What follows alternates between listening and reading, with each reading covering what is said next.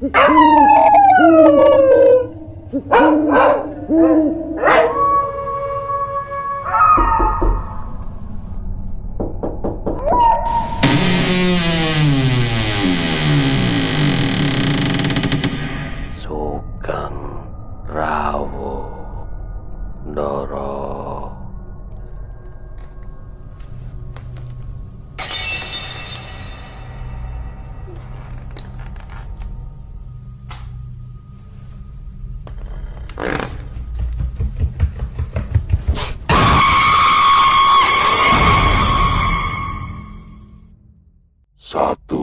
Suro Activity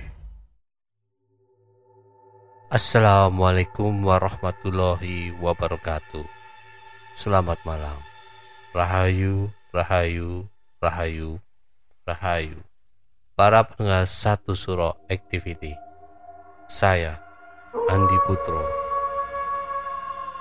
Para pendengar, pada malam hari ini kisah mistis dari Meriana yang terjadi di lingkungan kerjanya.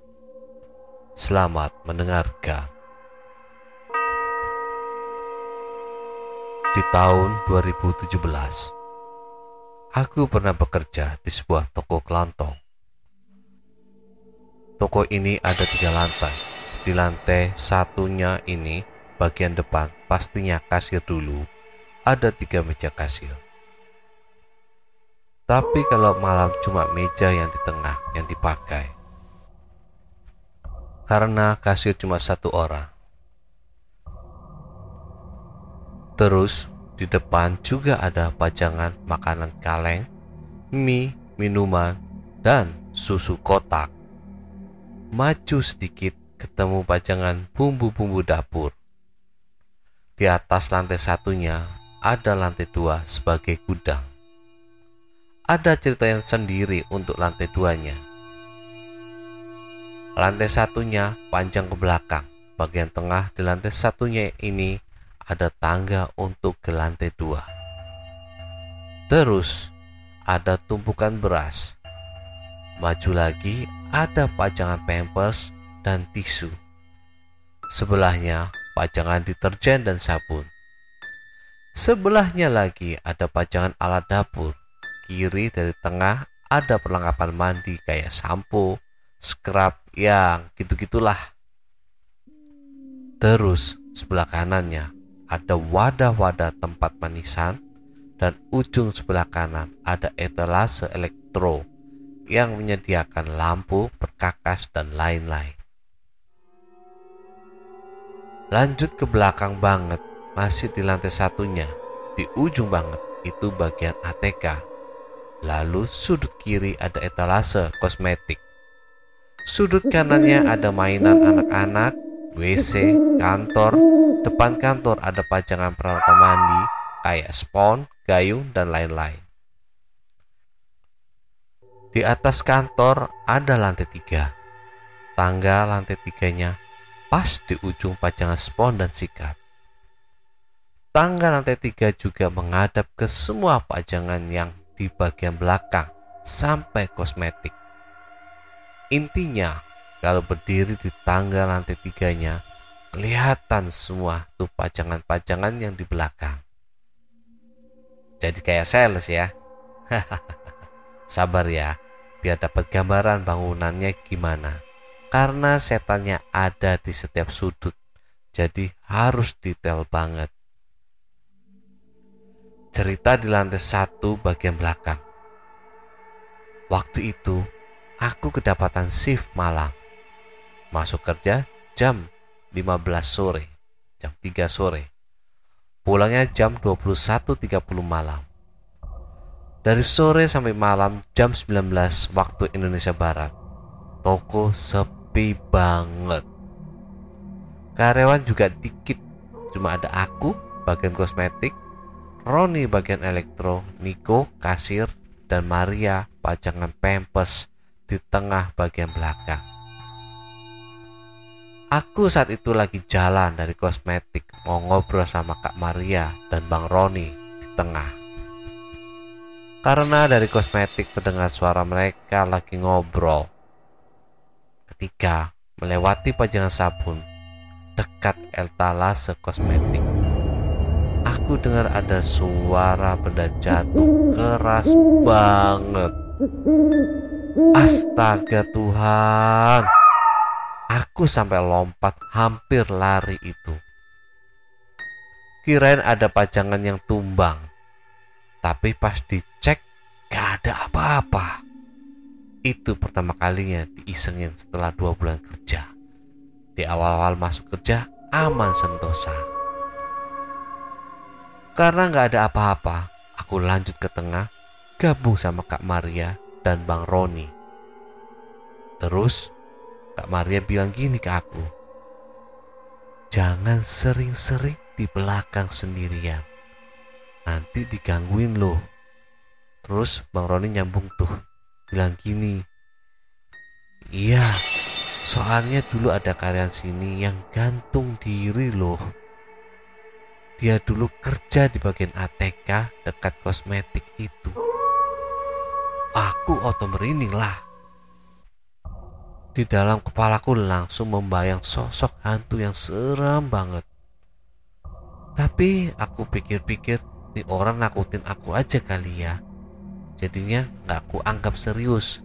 Meskipun masih membayangkan sosok yang seram. Rasa takut gak bisa ditutupi. Emang beneran langsung takut dengan cerita mereka. Apalagi setelah mendengar suara tadi yang gak tahu itu apa dan dari mana. Di tengah-tengah obrolan kami, ada tiga konsumen masuk. Di kasir, Bang Niko nanya ke salah satu di antara mereka.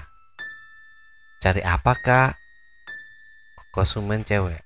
Mungkin mau beli make up karena Niko nyuruh aku ke kosmetik. Aku langsung pergi ke kosmetik. Aku tungguin di sana. Tapi si cewek yang ditanya tadi keliling dulu sama satu temannya. Mereka milih-milih peralatan mandi depan kantor. Terus si cewek teriak manggil seseorang sambil melambaikan tangannya ke arah tangga lantai tiga di ujung pajangan tempat mereka berdua. Tapi yang dipanggil kayaknya nggak datang karena mereka sampai jalan ke kosmetik nyari orang untuk ditanya. Lihat aku di situ, mereka nanya, Kak, rak pakaian yang besar ini berapa harganya? Aku jalan ke situ terus bilang, ada harganya di bawah raknya kak. Terus mereka nanya lagi, Kok sepi banget kak? Emang berapa yang kerja kalau malam? Saya berempat aja kak, karena karyawan memang nggak banyak. Hah? Berempat? Bukannya lima orang ya? Enggak kak, di belakang ada tiga. Saya sama dua teman saya tadi yang ngobrol di tengah. Terus yang rambutnya sepinggang di tangga tadi itu siapa? Nah loh, saya kaget udah nggak enak nih. Mau nanya malah makin merinding. Gak nanya tapi penasaran. Mana nih orang banyak banget tanyanya. Beli apa? Apa siapa? Bukannya fokus ke barang yang mau dibeli. Mereka malah menjelaskan secara detail perempuan yang mereka lihat di tangga. Aduh, Mereka bilang rambutnya panjang sepinggang, lagi berdiri di tangga, menghadap ke bagian elektro. Berarti yang kelihatan belakangnya doang. Aku bingung mau jawabnya gimana. Tapi aku bilang aja, oh mungkin ada konsumen lain kak. Soalnya karyawan di sini gak ada yang rambutnya sepinggang. Paling banyak sebau saja tapi orangnya kerja si pagi. Udah dijelaskan gitu, harusnya oh aja. Udah kan? Tapi ini konsumen ngeselin. Mereka malah bilang gini, Ih, seram banget di belakang. Datang gelap dari depan. Tambahin lampunya lah kak, biar gak kelihatan seram gitu. Iya, aku cuma jawab. Iya kak, toh urusan lampu bukan bagianku, tapi nggak apa-apa, itu masukan. Nah, mereka lanjut ke kosmetik. Jadi rak tadi ditinggal, malah nggak jadi mereka beli. Di kosmetik mereka cuma beli kotek aja, terus pergi. Ada kali 15 menit mereka milik kutek yang ujung-ujungnya cuma beli satu. Cuma lama milih doang. Mana dicobain satu-satu lagi.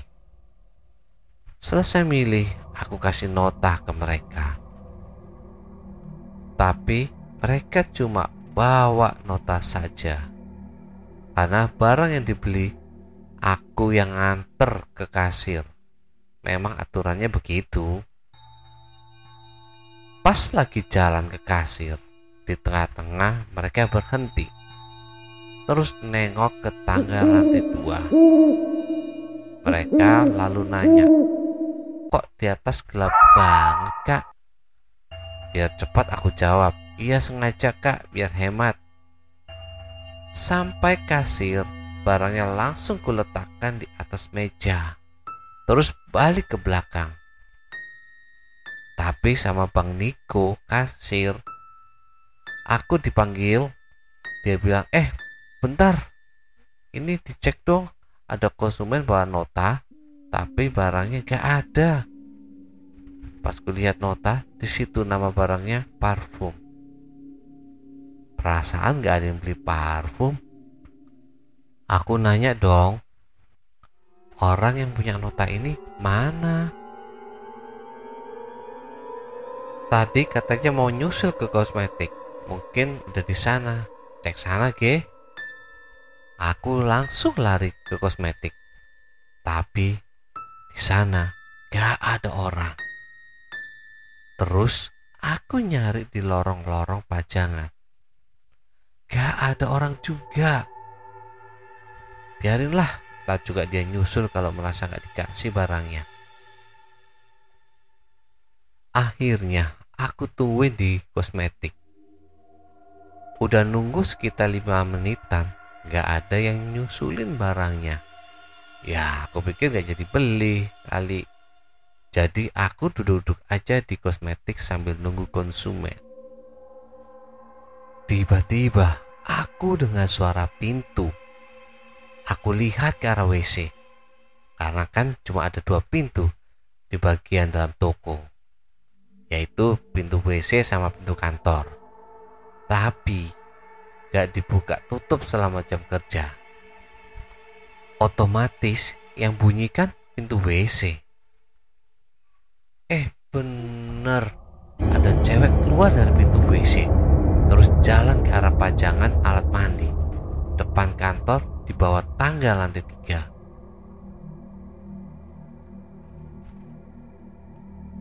Oh, itu kali konsumen yang dimaksud Bang Niko. Begitu pikirku. Tapi aku nggak nyusulin perempuan itu ke pajangan. Cuma aku panggil dari kosmetik aja. Nanya ke dia gitu. Kakak tadi yang beli parfum ya? Tapi kan dia jalan ya. Otomatis dia nggak lihat pas aku nunjukin notanya. Jadinya aku balik lagi. Setelah nunggu kurang lebih 5 sampai 10 menit, nih orang nggak muncul-muncul. Ya udah ah, bodoh amat. Akhirnya notanya aku simpan. Toh aku nggak merasa ngasih nota ke orang lain selain cewek dua tadi. Di awal tadi kan memang ada tiga orang yang masuk ke toko. Aku ngiranya itu orang yang ketiga tadi. Tapi kapan dia ke kosmetiknya? Kan dari awal mereka masuk juga aku udah nungguin di kosmetik. Gak ada yang datang. Selain cewek dua tadi aja. Mereka sama-sama dengan aku ke kosmetik. Lagian kalau ada yang mau beli barang pasti manggil kalau nggak ada orang di kosmetik. Udah gitu. Notanya juga aku simpan dalam etalase. Artinya dia masuk sendiri dong. Tapi kenapa yang diambil notanya bukannya barangnya? Sampai toko udah mau tutup, gak ada tuh yang datang nanya parfum kayak yang ditulis di nota. Tapi kata Bang Niko, barangnya sudah dibayar. Pasti besok dia datang lagi kalau nggak mau rugi. Akhirnya parfumnya aku simpan dalam etalase, bukan di pajangan parfumnya.